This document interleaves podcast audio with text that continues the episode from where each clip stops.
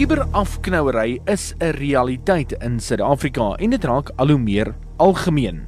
Volgens 'n studie wat in 2018 gedoen is deur Ipsos Global Advisor, het Suid-Afrika die hoogste voorkoms van kiberafknouery uit 28 lande getoon. Nou die voorkoms van hierdie misdaad het daartoe gelei dat 'n versekeringsmaatskappy nou reeds die eerste versekeringsproduk teen kiberafknouery in die land bekend gestel het, juis om kinders te beskerm.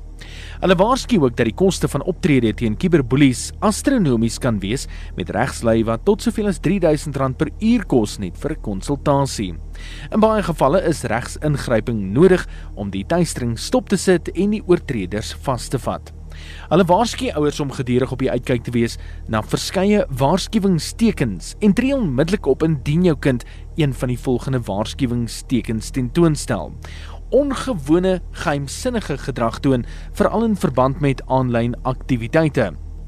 Angstig voorkom wanneer hy of sy aan aanlyn aktiwiteite deelneem, byvoorbeeld boodskappe ontvang of 'n gesprek op sosiale media het. Ongewone geheimsinnige gedrag toon veral oor gesprekke aanlyn en dan die aktiwiteite vermy. Die rekenaar skielik afskakel of wegloop terwyl hy of sy dit gebruik.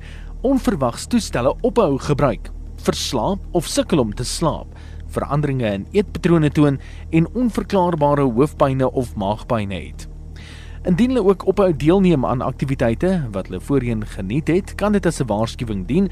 Ongewoon teruggetrokke gedrag is ook 'n waarskuwingsteken of verskonings maak om nie skool toe te gaan nie.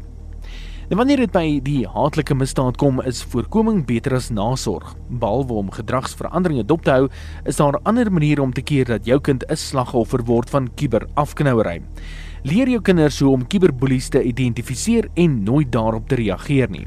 Volg jou kinders op sosiale media sodat jy hul aanlyn interaksies met maats ook kan monitor. Indien jy iets sien wat jou pla, neem 'n skermgreep en bespreek dit persoonlik met hulle, nie aanlyn nie. En stel altyd 'n goeie voorbeeld vir hulle in jou eie aanlyn interaksies in sosiale media.